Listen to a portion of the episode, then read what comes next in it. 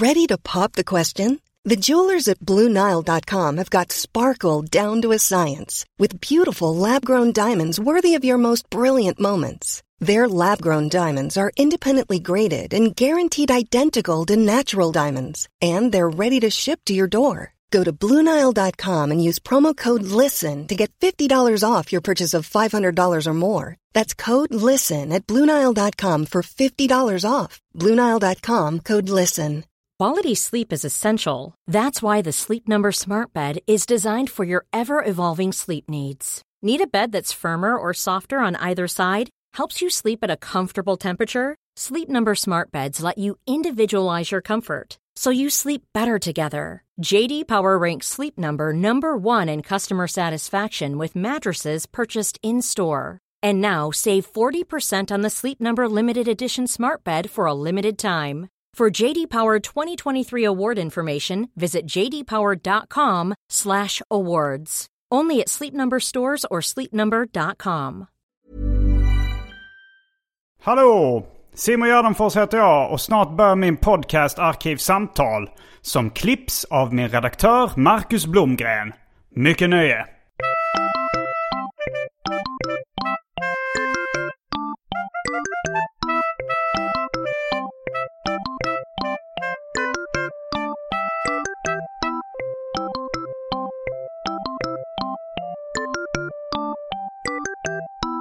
Hej och välkomna till Arkivsamtal. Jag heter Simon Gärdenfors och mitt emot mig sitter uh, Mats Jonsson.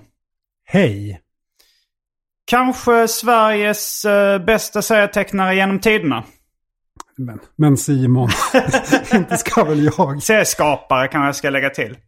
Uh, se, kanske Sveriges bästa serieskapare genom tiderna. Och då menar vi inte tv-serier utan tecknade serier. Riktiga serier. Mm.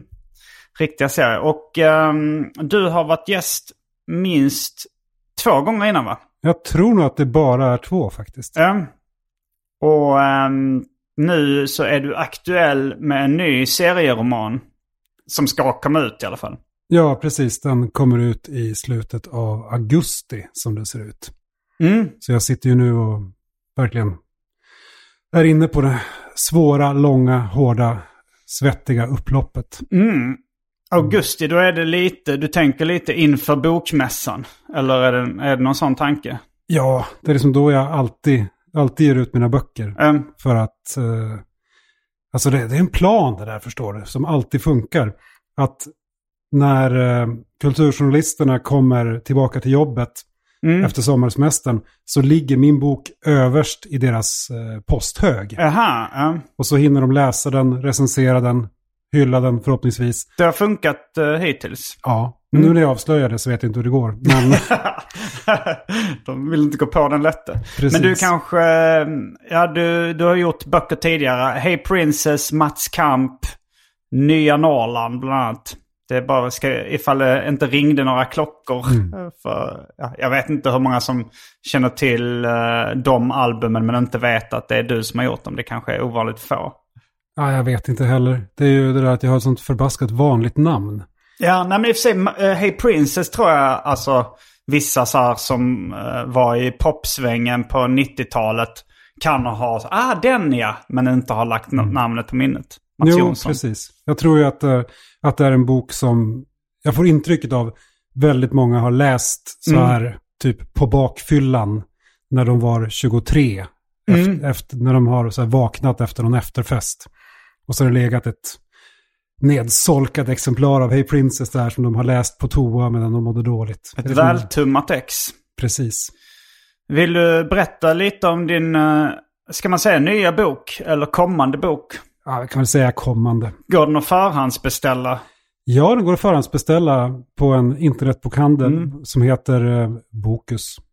Är det bara där man kan förhandsbeställa? Ja, än så länge Ja. är det så För jag faktiskt. brukar ju skryta om att den här podden ofta skickar upp böcker till första platsen på försäljningslistor. Just det, jo men vi lyckades ju, vad vi gjorde för Joe Mats Poor, Poor Bastard. Ja. När, det var nog senast jag var här och vi pratade om den. Mm. Vi såg den, gjorde en Fosbury-flopp över... eh, Vad är en Fosbury Flop?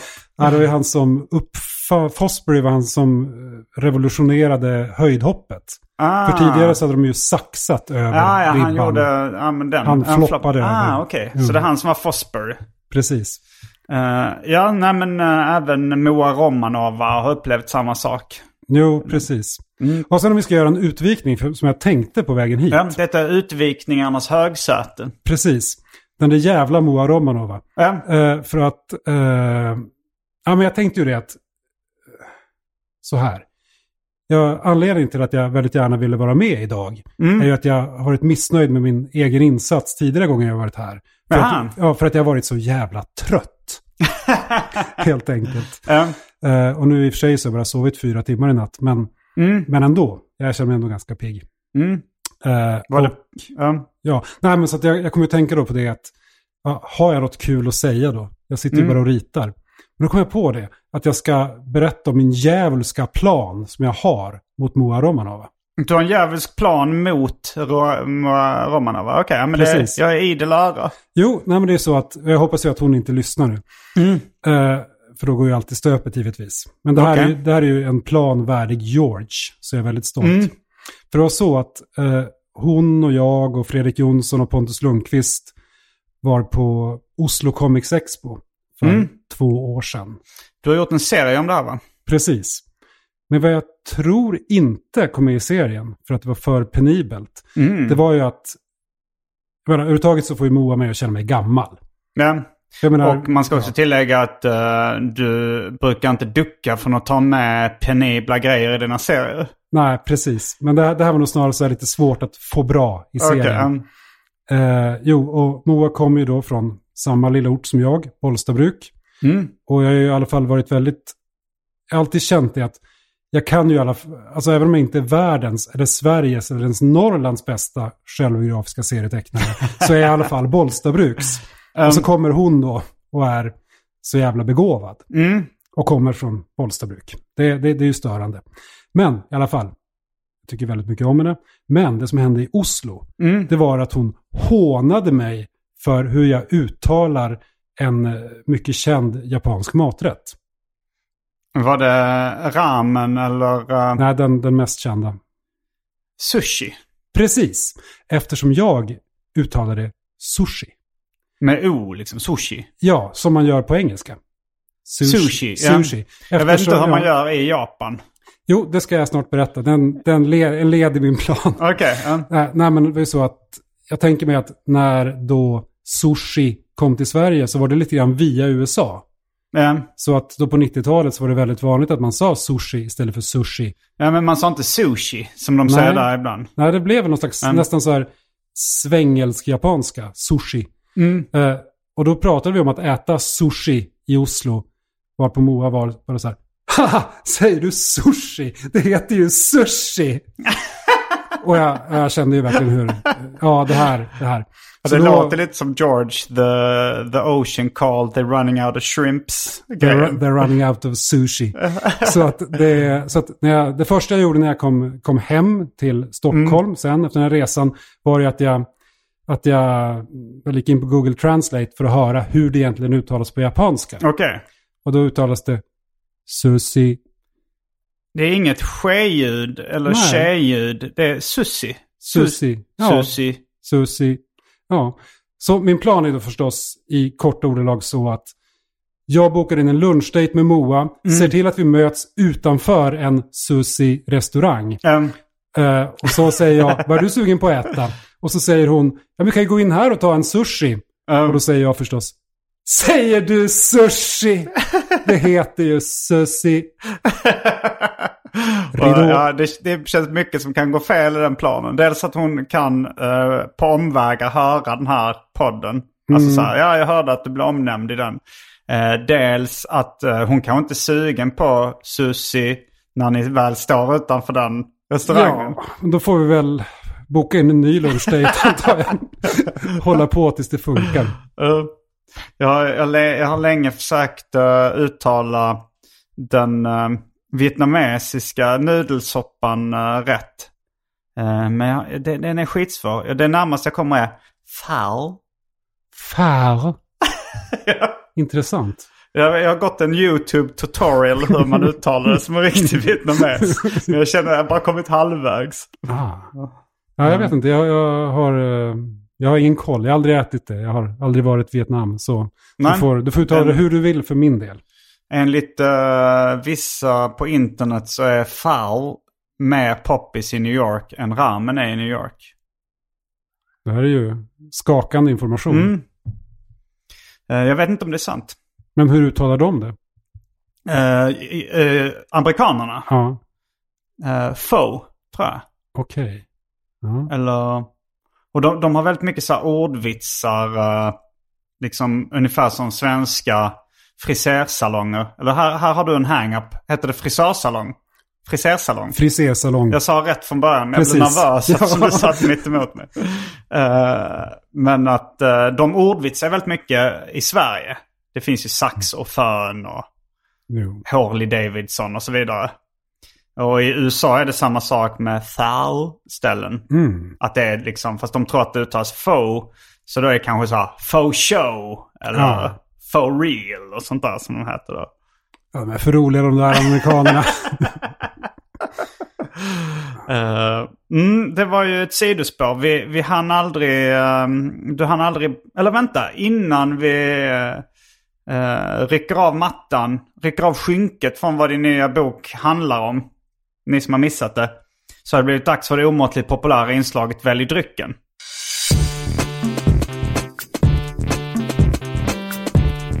Jag tror vi börjar med det fasta inslaget Välj drycken! Och här kommer alternativen. Mariestad Export. Sveriges äckligaste öl. Är det det? Eh, Jag vet inte om du skulle klara ett blindtest. Ja, Eller du bara ju äcklad av, av uh, imagen kanske. Nej, det, det, det har ju en bismak av eh, liksom gammal runkbåsmatta. Så att det, det går inte. Nej, tyvärr. Ehm, vi har Fanta Zero. Uh, Budweiser 3,5, alltså en folköl. Lagunitas Daytime IPA. Pabst Blue Ribbon. Gin och tonic. Hostmedicin. Amarula Cream. Bacardi Rom. Ananasjuice. Bullet Bourbon. Grand Marnier. Absolut Vodka. Organic Vodka. Nicka Whisky. En japansk whisky. Eh, häxblandningen, det vill säga alla drycker som fanns in i min kyl innan ni genomgick en så kallad corporate rebranding. Och för tråkmånsar och nejsägare, vatten. Okej, vad är det för hostmedicin? Det finns faktiskt eh, två. Det är finska hostmediciner med kodein i. Det finns eh, svarta skägget och det finns Recipect. Okej. Eller det kan vara så att en av dem är slut. Men jag tror att båda finns. Mm. Ja, jag vet inte. Jag kanske är lite rädd för kodainet ändå. Mm. Så jag är lite... Jag har ju... Du vill inte göra en Pimp C? Han dog av eh, en överdos hostmedicin. Nej, det vore ju, lite, det vore ju, vore ju Kanske i kombination faktiskt. med kraftig övervikt, missbruk av alkohol och eh, marijuana. I kombination med kodeinmissbruk. Ja, ja, han bli- hittades död i sin hotellsäng i alla fall med en, en kopp klibbig hostmedicin och Sprite bredvid sig. Mm. Nej, men det kan ju bli lite klibbigt, kan Mm. man tänka sig.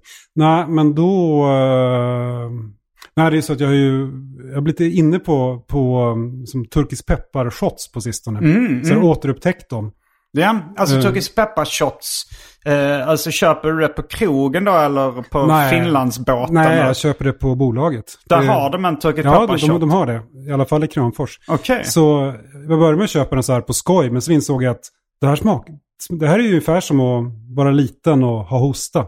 Mm. Att det är som lite så här den här härliga hostmedicinsmaken. Ja, fast jag tycker hostmedicin lite mer, fler örter än bara lakritsrot. Jo, förvisso. Men det var lite grann därför jag blev glad nu när du sa hostmedicin. Mm. Jag tänkte att ja, men då kan jag ju jämföra. Nu när Mm. jag har turkisk Du kan få lukta på hostmedicinen. Okej, jag vill, jag vill, okej, så här säger vi. Jag vill lukta på hostmedicinen och så vill jag dricka en Lagunitas Daytime.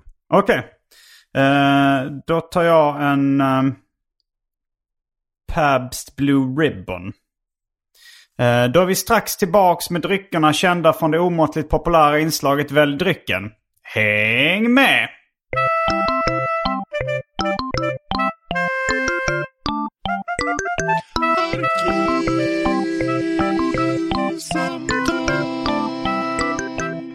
Då är vi tillbaks med dryckerna kända från det omåttligt populära inslaget Välj drycken. Eh, liten plot twist Ja, eh, det blev två Lagunitas Daytime IPA. Jag var egentligen mest sugen på den också men trodde bara det fanns en i kylen. Ah. Men döm av min förvåning när det fanns två stycken kvar i kylen. Eh, så nu har jag den också. Eh, och Fantastiskt. du har en, det var Recipekt som, eh, som fanns kvar bara. Svarta skägget tror jag att min flickvän Andrea Lennartsson har tagit hem till sig själv. Hon har, är lite hostig eller? Ja, det, det, jag kommer inte ihåg. eh, Det var väl någon gång. Jag tror att eh, hon fick, att jag gav det till henne som PMS-medicin någon gång. Men att hon, jag vet inte om hon tog det. Hon blev nog också för rädd för att eh, hjärtat skulle stanna. Ah. Så den, den står nog bara hemma hos henne tror jag. Eller så är den slut eller uppdrucken. Jag vet inte. Mm. Intressant. Jo, men då luktar jag på recipekten då till att börja Ja. med. Den har Kli- klibbat igen. Jag kan tänka mig det. Ja, och då är det ju ändå så att, Jag kan tänka mig att du har starka nypor. jo, när jag, var, jag har till och med papper på det. Men det här, Har du det? Jo, när jag var på Tekniska museet för några Mm. år sedan. Så hade de någon sån här testa din handstyrka-grej. Okej. Det kändes väldigt tivoli. Men, eh, men jag fick så här 97 av 100. Oj, oj. Och min nu- hustru fick väl någonting på 60 tror jag som jämförelse. Men det här... Okej. det här- Ja, det här- Du har mött din se- överman. Ja, jag kan ju sitta hela avsnittet och... Nej, Det går inte. Du ger upp. Jag ger upp. Jag luktar utanpå flaskan. Mm, det kanske går. Ja, luktar lite svagt av någonting. Men... Se om jag kan det. Jag har Det dock en, eh, skam. min handstyrka. Ja, det skulle vara ren tur då. Jag har dessutom en Pac-Man-skada på handen. Mm. Alltså jag tycker den börjar. I must have loosened it for you. Jag, tror jag, jag tror jag löste upp det lite. Det började knaka i den. Nu kommer den upp. Nej, nej, det går inte fortfarande. Kanske, jag kanske har dålig teknik. Jag har ju ändå förlorat mot min egen farmor i armbrytning.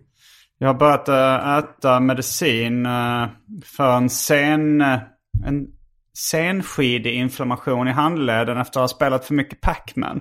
Oj, så jag äter in, antiinflammatoriskt. det låter plågsamt.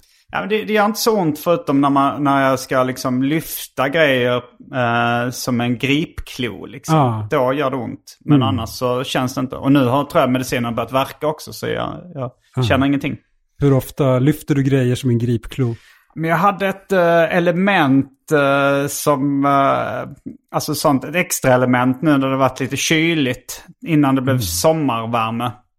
Och det har jag lyft som en sån här gripklo. Jag förstår. För det har liksom Jo. inga andra handtag eller sådär. Ja. jo, då förstår jag att du har haft ett stort lidande. Eh, ja, men då... eh, ja, vi lyckades inte öppna Recipekt. Det får bli, det får bli en, eh, en utmaning. Som, eh, en återkommande utmaning. Precis, du får bjuda hit någon riktigt stark person. Ja, men jag hade det. Det var någon annan uh, klibbig dryck. Jag tror det kan ha varit Amarula Cream. Som jag tänkte, för det- den fick inte jag upp. Men eh, den första personen som försökte, som inte var jag, fick upp den. Ah. Jag tror det var Pontus Gustafsson. Men Nej, eh, fan, jag gör ett försök till. du har ett försök till. Jag vill gärna höra dig säga Mats Jonsson lyckades få upp recipekten. Mats Jonsson fick upp den. Nej, jag ger upp. Då får det bli Skam. en återkommande, den återkommande tävlingen. Vad ska man kunna vinna? Ska man kunna vinna ditt nya serial? Man vinner väl innehållet i recipekten antar jag. ja, ja, det kanske... Men... eh, Jo, men jag kan, jag kan eh, donera ett exemplar av min bok till den som lyckas få upp. Det är så här som den gordiska knuten eller något sånt där. Det kommer någon jävel och sabrerar den. Ja, just det. Det var det han gjorde med den gordiska knuten. Jo. Vem var det som gjorde? Alexander den store. Okej, enligt myten. Ja. Eh, Jag tycker annars är det en väldigt kul tanke att så här, någon så här dammig ökenstad någonstans som har en berömd knut. som, folk, som folk så här färdas långväga för att så här försöka knyta upp. Det um, känns väldigt modernt. men det är lite samma slutkläm som Columbi ägg. Just det. Att han bara gör någonting lite oväntat. Alltså han... Eh, för er som inte känner till myten om Columbi ägg. Så är det då att eh, någon försöker balansera... Eller ja, när, när Columbus då kom tillbaks från Amerika så sa folk Det där var väl inget. Det kan väl jag också göra. Och då tog Columbus fram Columbi ägg. Den genitivformen är rolig. Jesu och Columbi. Han hade Columbi-attityd och Jesu andedräkt. Uh, när han tog fram ett ägg och så sa han försök balansera det på högkant, det här ägget. Och folk försökte och försökte, men det trillade åt sidan. Men då tog Columbus uh, Columbi ägg och slog det mot bordet så att den fick liksom en knäckt yta. Det var då hårdkokt antar jag.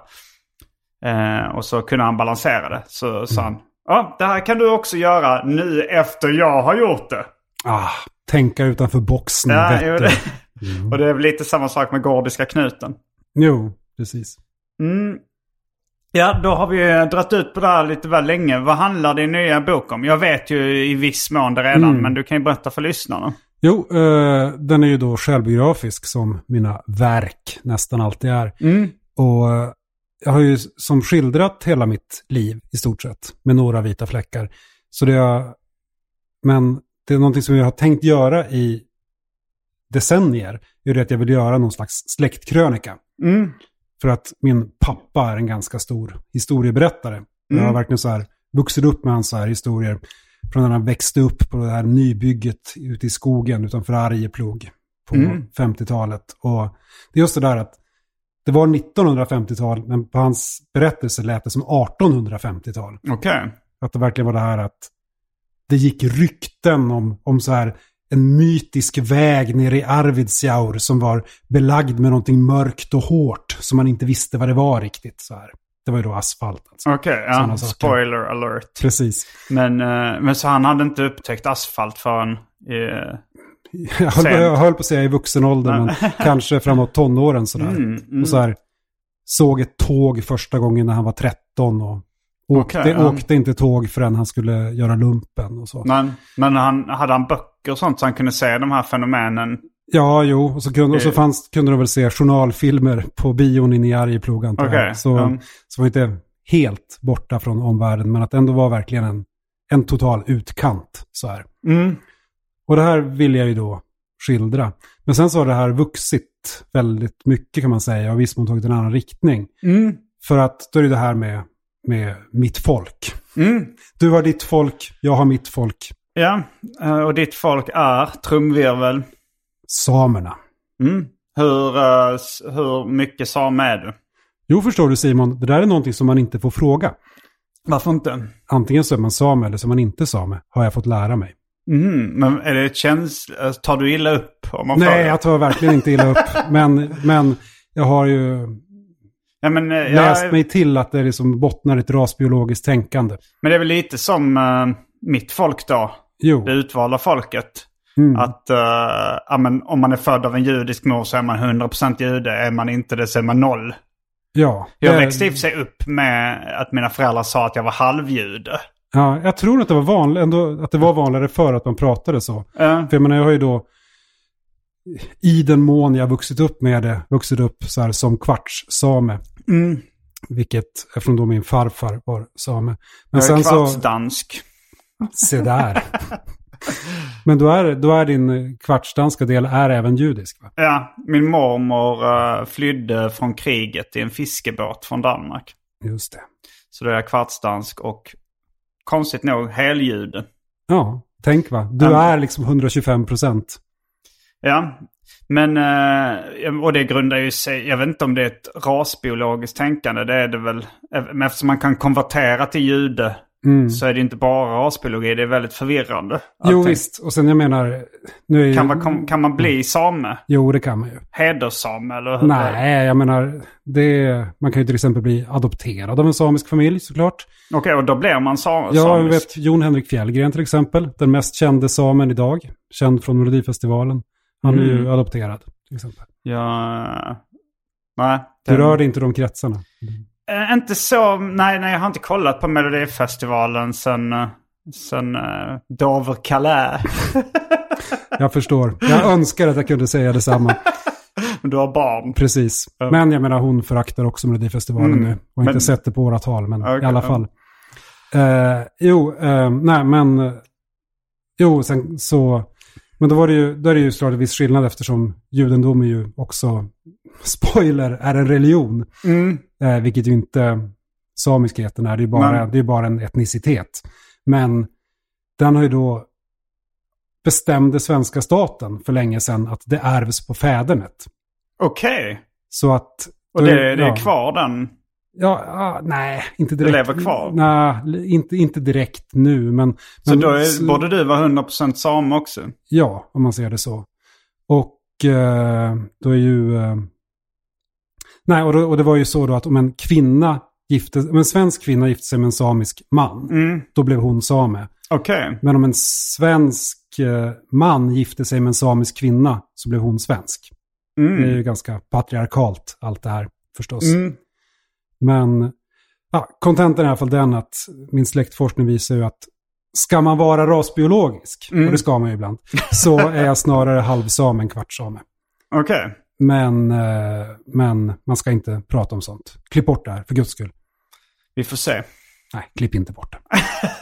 men eh, nej, men, men då, då, grejen är då den att det här var ju skamligt och talades inte om eftersom eh, mitt folk, liksom ditt folk, ju eh, är något, inte, är, eh, inte är eh, arier Mm. och inte fullvärdiga medlemmar av människoarten. Så, Det räknades inte in som eh, en del i det ariska folket. Nej, Men, någon slags så här sibirisk, Mm. eh, ja, med halvmongolisk ras sågs det som på den tiden. mm. Så att det ansågs ju inte fint. Så de, Var har de, van, har de vandrat eh, nej, från? nej, det här har jag ju då forskat i för Ja. min bok. Och samerna har inte vandrat, utan det, men däremot så har språket vandrat. Va- De, måste ju... Alltså, du, du motsäger dig det här Nej, att nej, alla nej. kommer från Afrika från början. Pre, pre, nej, men de kom ju från Afrika först. Sen tog de en vända till Sibirien. Och sen Okej. så... Eh, jädra massa vandrande. Men... eh, nej, men... Direkt från Afrika till Sibirien. Precis. Det är en temperaturomställning som heter duga. Låter skitjobbigt faktiskt. Värre än direkt från Hjärup. Ja. Men, eh, nej, men, eh, men det var ju det att, så man kan säga så här. Det samiska folket uppstod liksom i norra Norden Mm. för tusentals år sedan. Eh, och är ju liksom en blandning av folk som invandrat från alla möjliga olika håll. Mm. När inlandsisen smälte bort. Okej, så det är så, ja, ja, så old att, school. ja, precis. Så, att det, så man kan inte säga så att så här, samerna kom vandrande från Sibirien. Men, Utan den samiska kulturen uppstod eh, i Norden. mm. Med, med, men, och bestod av människor som hade kommit från söder och öster och väster. Mm. Så det, det är, jag menar, det är, ändå, det är ändå lite härligt det där att det är en blandning alltihop. Mm. Att prata om blodet blir liksom missvisande. Jag tänker på um, uh, serieromanen Maus av Art Spiegelman. Mm. Eh, där då han pratar med sin judiske far som liksom eh, suttit i koncentrationsläger och med mera. Och liksom ta, jag gissar på att du är inspirerad av det. Jag tror till och med att du har sagt att du är Jo, inspirerad av det. Jo, men det är ju. Jag menar den läste jag första gången på högstadiet när den kom på svenska. Och den Mm. har ju följt mig. Så här, det är ju ett av, ett av seriehistoriens stora verk. Ja, jag läste den till slut. Det var kanske Mm. en 15 år sedan jag läste den, men den är ju väldigt bra. Det är, det är lite konstigt att det, den räknas i mångt och mycket som den första serieromanen. Och den är väl i mångt och mycket oöverträffad. Den var först jo, och bäst. Jo, nej, men det är Första det. bästa serieroman. Jo, nej, men dels är det såklart det här med, med källmaterialet. Att, Mm. Jag menar, han porträtterar sin, sina föräldrar i förintelsen. Mm. Eller minskningen måste man väl säga. Ja. i det, i det här sammanhanget. Men eh, förlåt om jag triggade dig. Nej, men, eh, nej, men det, jag menar, det källmaterialet är ju svårslaget. Men sen Mm. gör han ju väldigt mycket av det också.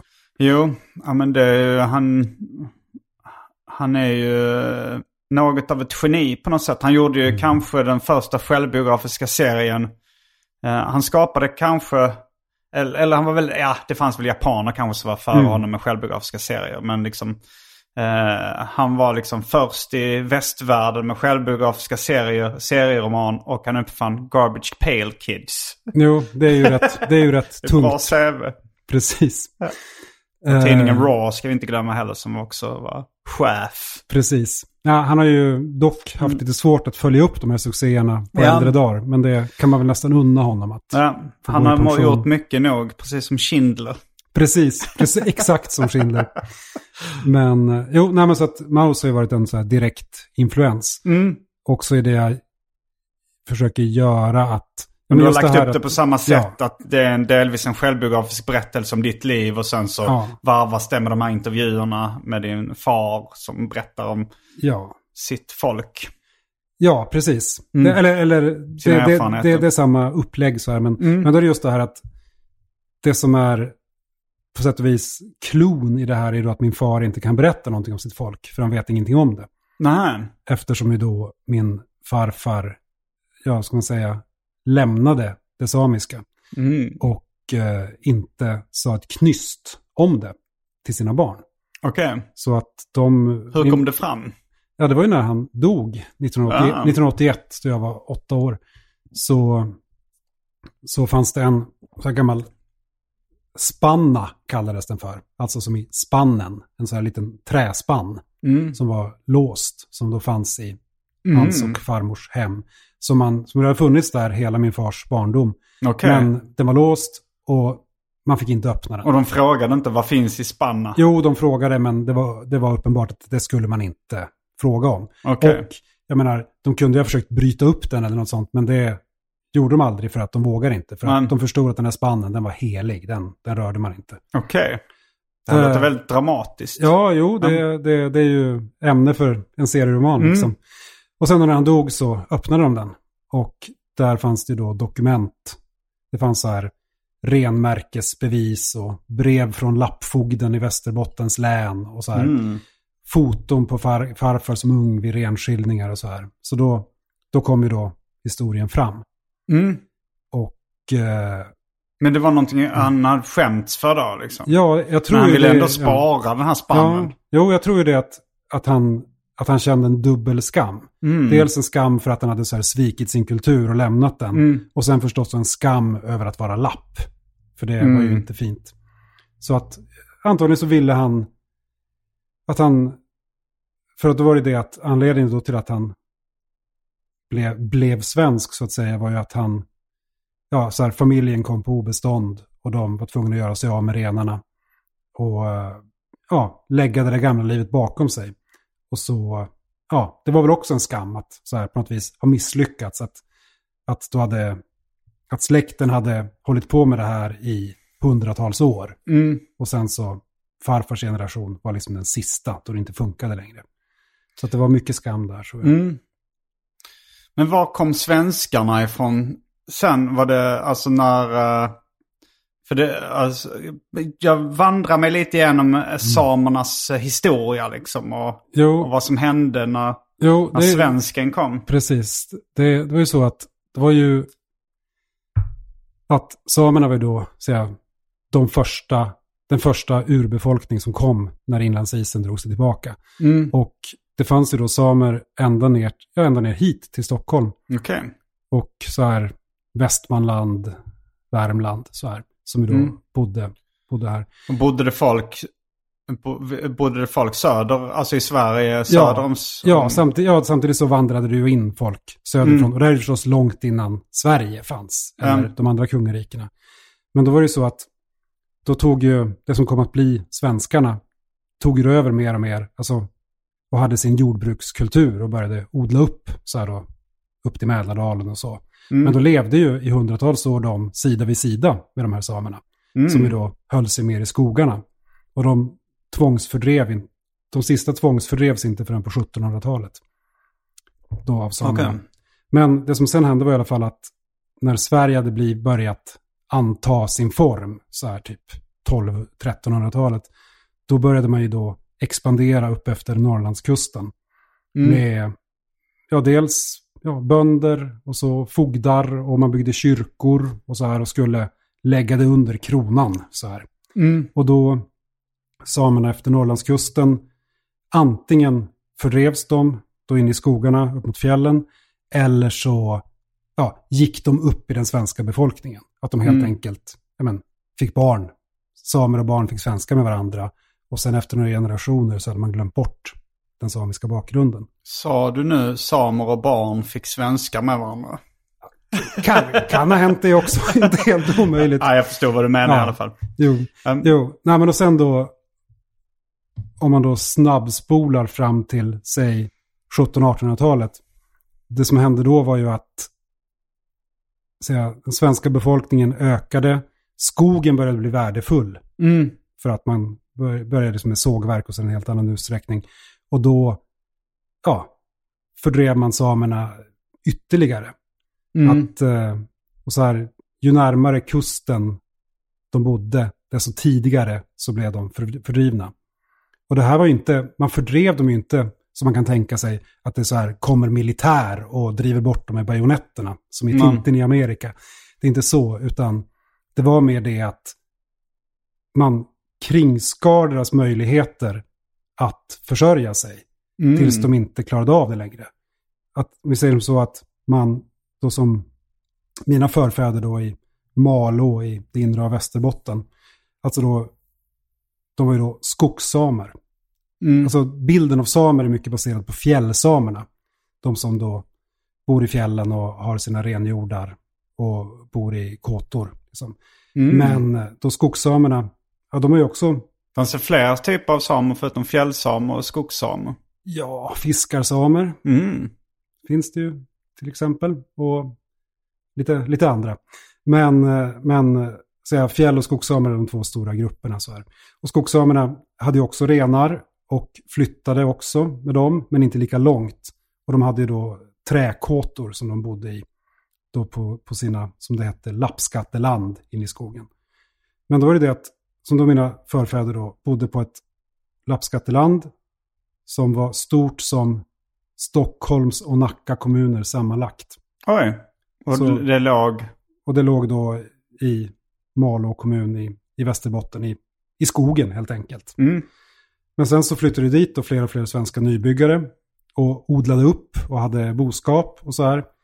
Och eh, då blev det ju inte lika lätt att röra sig med renarna längre. Och sen så, länge så fungerade det ändå. Men sen så, sä, säg så här, mitten, slutet av 1800-talet så blev det ju en enorm inflyttning av svenskar. Mm. Så att från att det kanske hade varit bott 300 personer i ett område så bodde det nu 5000 personer i det området. Mm. Och hela den svenska, ska man säga, civilisationen kom med sina vägar och broar och järnvägar och allting. Och då blev ju renskötseln mycket, mycket svårare att ha. Mm. Så att då, då, då fortsatte det här med bara snabbare och snabbare det här att man, att man antingen så här fick svensk med ett barn, Mm. ja, fick barn med en svensk och alltså så här, man försvenskades. Ja. Eller att man flyttade på sig helt enkelt. Ja, det låter mer komplicerat än när, liksom, när någon bara kommer in och ockuperar ett område eller liksom Jo. fördriver bort folk med våld och vapen Mm. och sånt där. Det är svårare att, att Jo, göra precis. motstånd mot nästan. Jo, precis. Det var ju det att, ja men just det att Sverige kom inte med soldater utan med byråkrater. Att man satte upp massor med regler för hur allting skulle fungera. Mm. Och eh, allting blev, om man, ja men det var uppenbart att då, framförallt skogssamerna då, de var bara i vägen. Mm. Att de, men man, ja, kunde eller ville inte, alltså verkligen fördriva dem så, utan man såg till att det blev omöjligt för dem Mm. istället. Eller det var ju många som fördrevs, verkligen så här, så här, länsman kommer och säger nu får du flytta på dig, Mm. men de fördrevs, ja för, för att en svensk nybyggare ville ha området där de bodde. Mm. Men då kanske de flyttade en mil och så Mm. bosatte sig där men, istället. och de, de kunde inte säga då att det här, här bor jag. Eller liksom, Nej, därför att den svenska, de svenska myndigheterna hade bestämt att man får bedriva renskötsel i skogsområdet Mm. om inte marken behövs till något bättre. okej. ja. Och jordbruk var bättre. Men vem ägde marken från början då? Ja, Eller det det var ingen, det var som indianerna. Att Ja, det var ju det Mm. att det var ju, det var ju samernas mark för att det var de, de var Mm. de enda som bodde där och de som använde den. Um, Men de hade inte nog samma syn på äganderätt men, som vi har. Utan det var ju som en non-issue, det här med att äga. um, Man ägde väl kläderna på kroppen och man ägde sina renar, men äga mark var väl ett ganska okänt begrepp. mm, Och sen kommer det då någon och börjar vifta med papper. Jag Mm. menar, vad ska man göra? Det... jo, det påminner ju lite om Nordamerika. Jo, det gör ju det. Min, mindre våld, men Mm. samma, samma effekt kan man väl säga. Mm. Har du... Jag tänkte i dina tidigare böcker som det här nya Norrland, eller det, det är väl mest den jag tänker på, så kommer du... Den är ändå ganska så här lösningsfokuserad. Mm. Vad du tycker, så här, så här och så här borde man göra. Hur tycker du man borde göra för att, eh, alltså, eh, med, med svenska eh, folket mot samerna? Alltså, jag har mycket svårare att vara lösningsfokuserad här. Mm. För att i och med att farfar gjorde som han gjorde så har ju inte jag vuxit upp i den samiska kulturen. Men- Utan jag upptäcker den ju nu. Och det känns väldigt så här, skulle kännas väldigt arrogant av mig att komma in och börja peka och säga så här, så här ska ni göra. Alltså, alltså Så kanske... Mm. eh, ja, ja så, alltså det hade kanske känts arrogant för att vara så här... eh, så här ska ni göra som samer. Mm. Men kanske så här eh, mer eh, så här Sverige ska göra så här och så Mm. Här för att vara schysst mot samerna. Ja, jag tycker väl, alltså det, det jag nästan tycker är, det man först och främst borde göra Mm. är ju att låta folk få veta de här sakerna. Mm, För att, det, jag menar, jag visste väldigt, väldigt, väldigt lite om, jag menar innan jag började med det, alltså fram till för några år sedan, så Mm. visste inte jag att skogssamer fanns. Trots att Nej. jag själv är skogssame. mm, Och det säger ju en del om hur, hur lyckad svenska statens politik har varit. Så här. Ja, alltså det är ju... Det är ju förmodligen så liksom att det är pinsamt för eh, svenska folket hur man har behandlat samerna. Jo, Och därför fokuserar man väl mer på andra, ja men exempelvis eh, USA liksom, hur de Mm. har behandlat sin ursprungsbefolkning. Jo, Jag jo, jo men det, det, för det är att ju man verkligen man så. man, Det är väldigt lite om liksom hur Sverige har behandlat sin ursprungsbefolkning Mm. när jag har vuxit upp. Och jag gissar väl på att det är för att det, känns, det är för pinsamt liksom. Det, Jo, men jag tror att det lätt också blir sån här, vad heter det, kognitiv dissonans. Att man får inte ihop det. Mm. Att den svenska självbilden är att vi är goda. ja, ja, ja. Och så, och så visar det sig att alla de här liken finns i vår historia. Mm. Och sen så att det också inte bara handlar om historia, utan vi ser ju fortfarande konsekvenserna av det här. Ja, ja. Det, det- finns ju ja. samer kvar. Jo, precis. Och som ju kämpar. Och, det, och jag tror ju att det som jag känner är, är det jag kan göra. Det som är min Mm. uppgift i det här är ju att men, förmedla fakta. Att, Om detta Liksom- må vi berätta. precis, precis. För att det, och att jag känner att då kan jag på sätt och vis vända statens politik mot sig själv. För jag menar, då är ju just det här att jag inte visste att skogssamer fanns, trots att jag själv är skogssame. Mm. Då kan jag, jag kan vara mitt eget exempel Ja. och peka på det, hur sjukt det är. Och Men på vilket sätt, hur menar du att vända politiken mot... jo, staten jo själv? nej, men att, eh, att så här, de försökte tysta oss, men de Mm. lyckades inte riktigt. Men, Ni borde ha sopat igen spåren efter er bättre.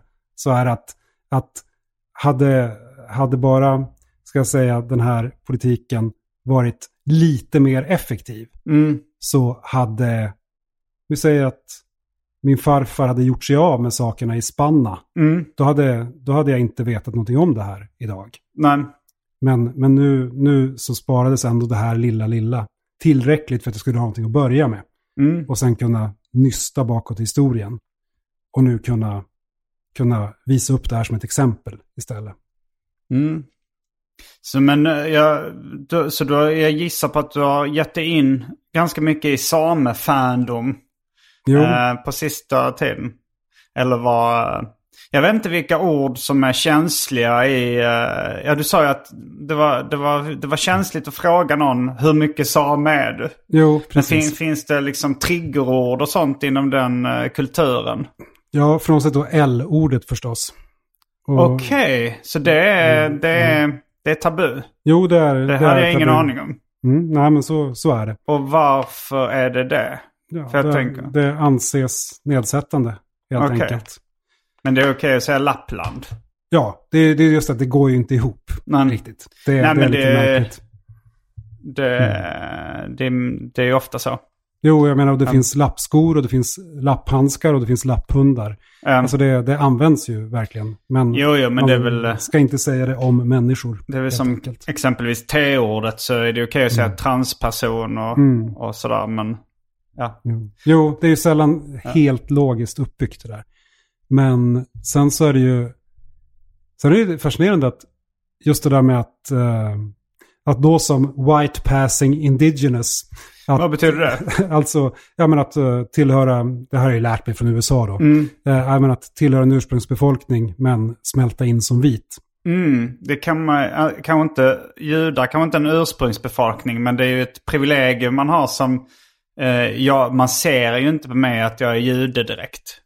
Alltså om man inte, eh, ja men jag, jag kan Mm. ju, jag är, vad är det, white passing Jew kan man väl säga. Jo, då. precis. Jo, jo nej, men det, är- det är ju det att, eh, att det är lite intressant. Och jag menar, jag har aldrig reflekterat speciellt mycket över, över eh, ska jag så här, rasismen och stereotypiseringen av samer så. Men, Men det är ju det att det är ju som att så fort man säger att man är same, mm, eller om man tar på sig, tar på sig kolten, det, är- det är det som om du skulle låta kindlockarna växa ut. Att plöts, Um, plötsligt så syns det, ja, plötsligt syns det vad du är. mm, Eh, och att det faktiskt, det, och det är ju väldigt få gånger jag så här har outat min bakgrund så här, mm. min etnicitet. Ja, du Men- nämnde mm. det. Alltså, vi har ju känt varandra i det, 20-25 år Jo. någonting. Och du har ju nämnt det ganska tidigt ändå. Jo, Eh, jo, jo, det, mm. det, det, är ju, det har jag säkert gjort. Mm. Men jag kommer att tänka på nu i höstas när jag var och pratade för en skolklass. Mm. Så jag pratade om en helt, helt annan bok jag gjort. Och då, då så avslutade jag bara att nå- då var det någon, något av barnen så här som frågade, ja vad jobbar du med nu då? Och då berättade Mm. jag om den här boken och min bakgrund. Mm. Och så, ja, så här så blir det tyst. Och sen så säger deras lärare, ja, var har du renarna då? alltså, alltså, och jag blev bara så helt ställd. Att, så här, oj, oj, en, en stereotypisering, bara sådär. Det var, ja, det var fascinerande. Eh, Alltså verkligen, alltså, jag blir inte kränkt. Det var mest bara så här märkligt. nej. Men eh, har du... För jag, jag har liksom inte behövt lida så jättemycket av eh, liksom att vara jude. Så här, förutom då att man märkt... Jag har ändå märkt av att det finns folk som har emot, någonting emot judar liksom. Mm. Som blir li- bara man nämner ordet eh, jude så att det kommer någon form av extra ilska liksom. Ja. Eh, av olika anledningar. Men, eh, men har du märkt något sånt liksom mer hat? Har du märkt av något hat mot samer eller liksom? ja, alltså inte personligen, men det är klart det finns ju. Och Mm. det, där är också det att ju längre norrut i Sverige man kommer, desto tydligare är det ju. För Ja. att folk här i Stockholm eller i Skåne eller på västkusten eh, har ju, de är ju rätt mycket utanför problematiken. Mm. Alltså den märks ju inte. Men i, vad säger i, i Norrbottens län Mm. så är, där finns det ju motsättningar. Det gör ju det. Och att, eh, ja men folk som tycker att verkligen att samer ska hålla sig kort. Liksom. Mm, De, mm. de anser samerna vara privilegierade. För att de, att det ändå finns vissa rättigheter som har bevarats eller återkommit. Vad har samer för rättigheter? eh? Det, det är framförallt sånt som jag är ex, personligen extremt ointresserad av. Mm. Jakt, fiske och skoteråkning. Okej. ja. Mm. Att det finns då vissa så här renbetesmarker där, där samerna som har jakträtten och fiskerätten och de som tillhör den samebyn är de enda som får köra skoter där, till exempel på vintern. Mm. Så att sådana saker. Mm. Och det där sticker väldigt mycket i ögonen då på, på vissa, ja men, Nice. Yeah. What you're hearing are the sounds of people everywhere putting on Bombas socks, underwear, and t-shirts made from absurdly soft materials that feel like plush clouds. Yeah, that plush. And the best part? For every item you purchase, Bombas donates another to someone facing homelessness. Bombas. Big comfort for everyone. Go to bombas.com slash ACAST and use code ACAST for 20% off your first purchase. That's bombas.com slash ACAST. Code ACAST. Quality sleep is essential. That's why the Sleep Number Smart Bed is designed for your ever evolving sleep needs. Need a bed that's firmer or softer on either side? Helps you sleep at a comfortable temperature? Sleep Number Smart Beds let you individualize your comfort so you sleep better together. JD Power ranks Sleep Number number 1 in customer satisfaction with mattresses purchased in-store. And now save 40% on the Sleep Number limited edition Smart Bed for a limited time. For JD Power 2023 award information, visit jdpower.com/awards. Only at Sleep Number stores or sleepnumber.com. Hey there, it's Michelle Norris. I'm host of a podcast called Your Mama's Kitchen. When I travel, I'm usually looking for a way to find a taste of home when I'm not at home. And one of the things I love to do when I am at home is entertain. And Airbnb allows me to do that. When I was in California recently, I rented a house that had a great kitchen. And when we were sitting around the table, we're all thinking, we're in someone else's house. Someone could be in all of our homes as well. If you have a home, but you're not always at home, you have an Airbnb. Your home might be worth more than you think. Find out how much at airbnb.com slash host. Ja men svenskar då, alltså säga sådana som kanske är ättlingar till svenskar som kom dit för 200 Mm. år sedan och har vuxit upp sida vid sida då med de här samerna och tycker att, ja, men vadå, vi har ju våra rötter här båda två. Mm. Varför, ska, varför ska vi, varför ska han ha de här rättigheterna och inte jag? Och, det, och visst, det är inte konstigt att man börjar resonera så. Men, Men sen så, finns, sen så är det ju sådana som går steget längre och så här sprider sitt hat på sociala medier. Och mm. det är ju folk som, som eh, alltså, det har inte, de inte kommit till våld mot människor, men däremot våld mot renar. Som ju då syns, ses som en symbol för det här. ja, ja. Att det är sådana som skjuter eller medvetet kör över renar. Då för Mm. att, ja, som en del av som rasistiskt. Jag tänkte på det på skolgårdsnivån när, jag var, eh, när det var de barnen när, i, på Hjärup skola då som, som kom från eh, långt, bussbarnen då som åkte buss till skolan liksom som bodde i kommunerna utanför Hjärup. Mm. Och att de, eh, eh, att deras buss kanske kom så en timme innan skolan började eller en halvtimme innan skolan började. Och då fick de bussbarnen rätt att gå in i skolan Ah. innan den hade öppnat och värma sig där inne. Men bara en sån liten rättighet ledde ju till liksom ett hat mot att folk skrek jävla bussarbarn. Efter bussbarn. Ja, precis. Jag menar, trots att det egentligen var synd om dem för att de måste stiga upp tidigare och åka buss. Men det var så att om man kom typ eh, tio minuter för tidigt för skolan så fick man stå ute och frysa medan bussbarn, man såg dem där inne. Satt där inne och och drack läsk och spelade tv-spel. Om det vore så väl. Men... Uh, jo, nej, så det är... Jag, jag förstår, eh, jag förstår problematiken. Jo, jo, det är en svår problematik det där. Mm. Men en sak jag tänkte på Simon, det här med, med mitt folk och ditt folk. Ja. Men jag vill ju minnas det när vi har sådana här, eh, alltså för länge sedan när vi har pratat om, men så här som din, din mormor och hennes flykt från Mm. Danmark och så här under kriget. Mm. Att du, jag kände det som att du inte var så här jätteintresserad av det. Ehm, nej, jag, är, jag tycker, alltså... Jag, har- jag har väl ett ganska så komplicerat förhållande till eh, med mitt judiska arv skulle jag vilja Mm. säga. Att eh, jag som barn eh, växte upp då liksom. Vi var väl, det var ju knappt några andra judar i Hjärup eller liksom som vi umgicks med. Och min mamma försökte liksom lite pracka in mig i den världen så här. Ville att jag skulle gå på eh, Cheder då som är den judiska söndagsskolan och liksom ville väldigt gärna hålla liv i de här tradition- traditionerna. och eh, pratade väldigt mycket om det. Och jag ville liksom inte, jag tyckte mest det kändes lite obehagligt. Ja, hela du, den du världen. sparkade liksom bakut. Ja, eh, ja men mm. så här, jag, jag tog inte alls till med det. Utan jag tyckte så här, det där vill jag inte...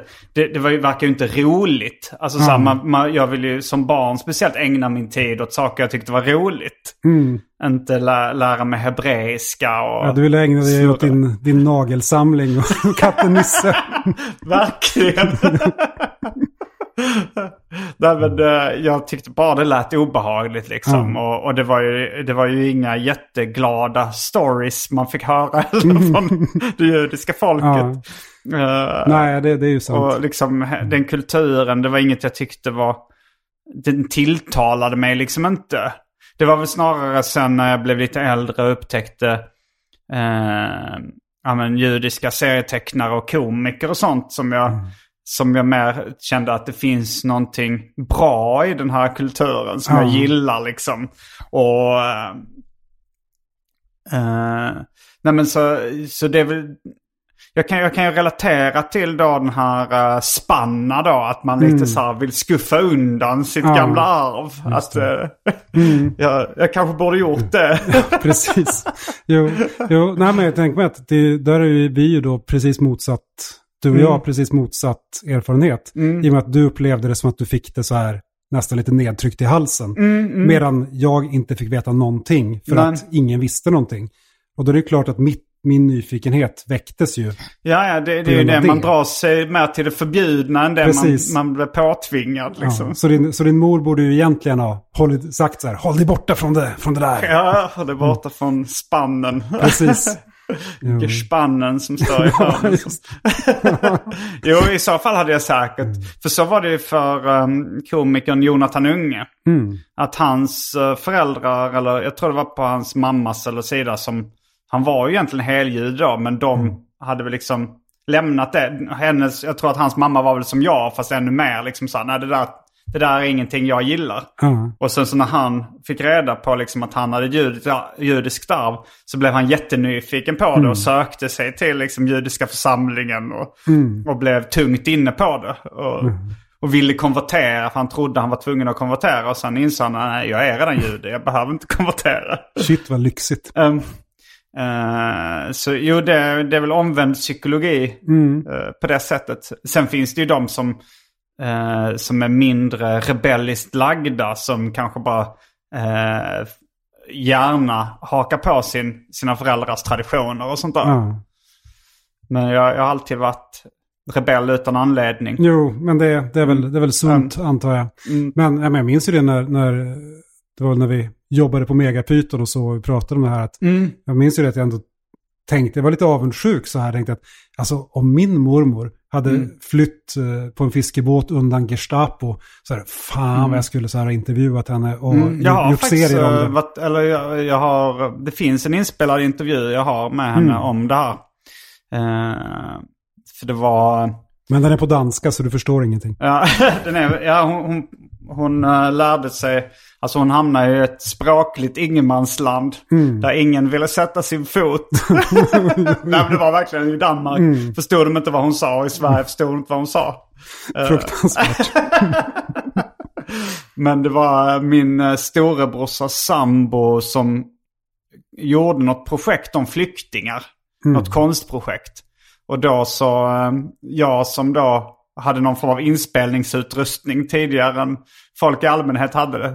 Vi gjorde en intervju då med min mormor. Sen tror jag hon aldrig använde den inspelningen. Men den finns.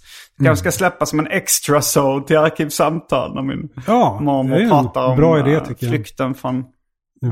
det stora landet i väst, Jo. Danmark. Jo, jag menar kan du göra, kan du göra ett, ett avsnitt där du pratar om, om att du har ont i röven så Eh, kan väl det där försvara sin plats. Eller ett avsnitt där David Liljemark läser upp alla skivor och serier han köpt på 80-talet. Om du hör, jag vet inte om hör Nej, jag hörde inte det, men Ja, jag, det var jag blir ju lite nyfiken när du... Det är ett avsnitt där jag faktiskt, eh, inte bara symboliskt utan bokstavligt somnade på golvet. För jag, jag, var, jag var lite trött och bakis och jag la mig bara så här ner och la micken bredvid mig själv. Och så fick David sitta och läsa upp eh, sin eh, anteckningsbok. Och sen lyssnade jag bara publicerade utan att lyssna på det. Men jag tror det var Johan Wandlo som sa man hör ju dig snarka efter ett tag på golvet. Ja, fantastiskt. Eh, Han har ju även gått igenom alla gånger han har spytt. eh, Som inte blev en pocket utan det Ja, blev ett det. två timmars avsnitt när han bara går igenom det. Men att det ändå tar två timmar. Jag ju för mig att David har spytt så sällan. Just för att han är så försiktig. Ja, Ja, men det var mycket sidospår. ja, ja. I should have known. Mm. Men den här boken kommer alltså, finns det ett releasedatum för den? Eh, typ 23 augusti, någonting sånt. Mm. Tror jag att det är. Och ehm, jag kan tänka mig att den kommer få rätt mycket uppmärksamhet i media. Alltså för det känns ju som en, en tydlig krok för eh, olika morgonsoffor och sånt. Och, Jo, jo, precis. Jag kan lyfta morgonsofforna som en gripklo. jo, jo, nej men det, det, är ju, det är ju så. Att Mm. det, det finns ju ett stort intresse för det här Mm. nu.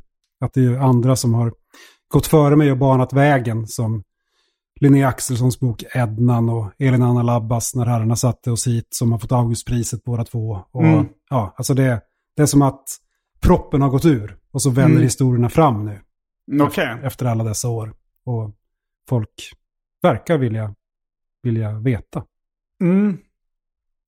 Men uh, jag, jag, jag har ju liksom inte koll på de namnen du nämnde nyss. Uh, eftersom nej, men jag, om, om, det, om det ko- kommer i serieform så blir Ja, jag automatiskt intresserad.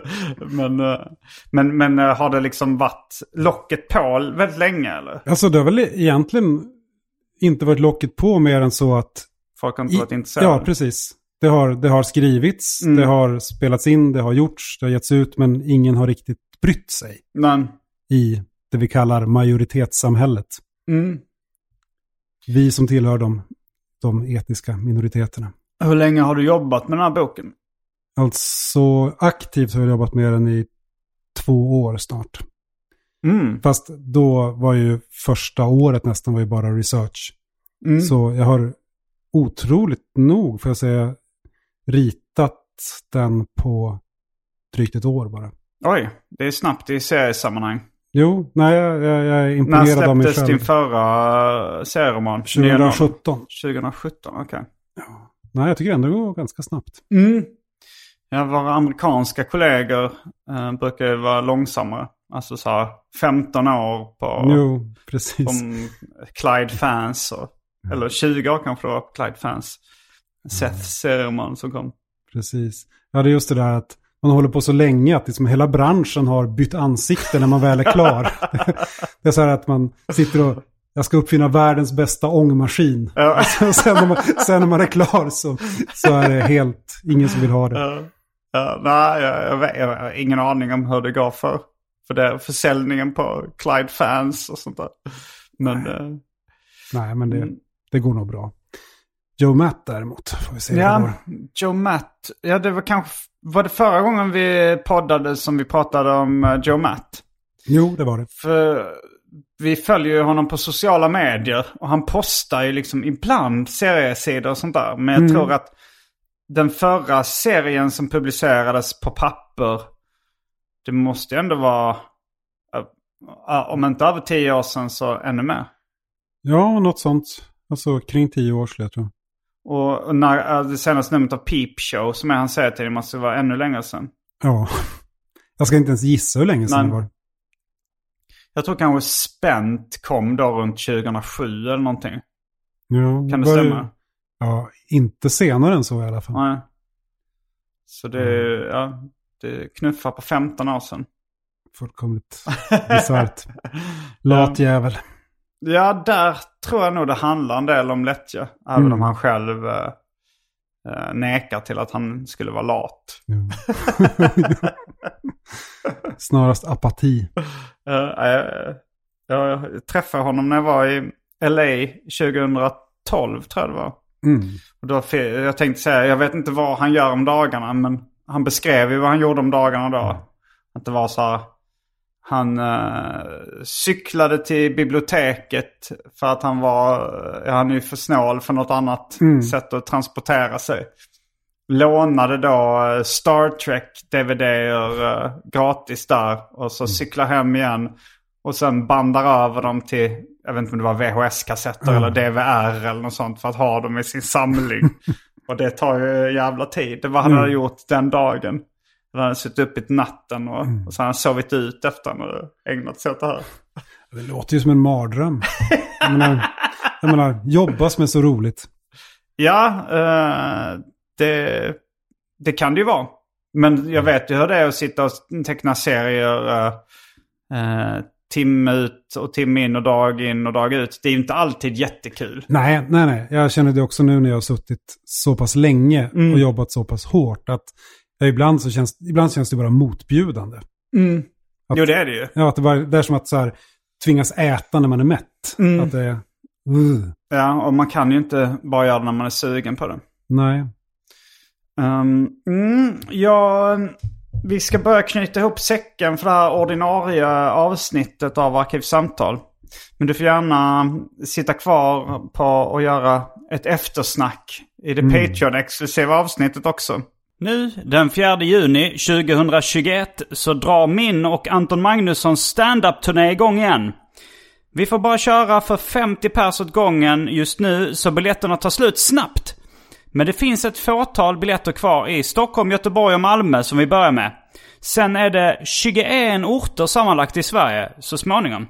Kolla in alla mina gig på min nya hemsida gardenfors.com.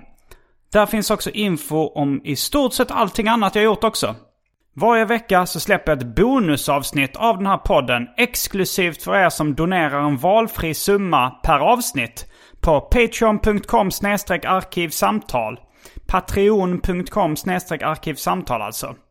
Det finns redan över 40 exklusiva avsnitt som du får tillgång till. Så det är mycket kul för valfri slant. Vill du bara vara schysst och säga tack för åratal av underhållning så kan du även swisha en slant på 0760 72 47 28. All denna info finns även i avsnittsbeskrivningen. Och glöm inte att följa mig på Instagram och andra sociala medier. Där bjuds det på gratis skämt och mycket annat. Eh, är det någonting du tycker vi har missat eh, att berätta för gratislyssnarna? Ja, du har ju... Du, jag är i och för sig lite tacksam om att du inte har frågat om det alla vill fråga mig om. Okej, vad är det? Att jag har lämnat Stockholm och flyttat hem till Kramfors. Då, då får vi prata mer om det i det Patreon-exklusiva avsnittet. precis. Men tack för att eh, du har medverkat i detta ordinarie avsnitt av Arkivsamtal. Tack så mycket. Jag heter Simon Gärdenfors. Jag heter Mats Jonsson. Fullbordat samtal.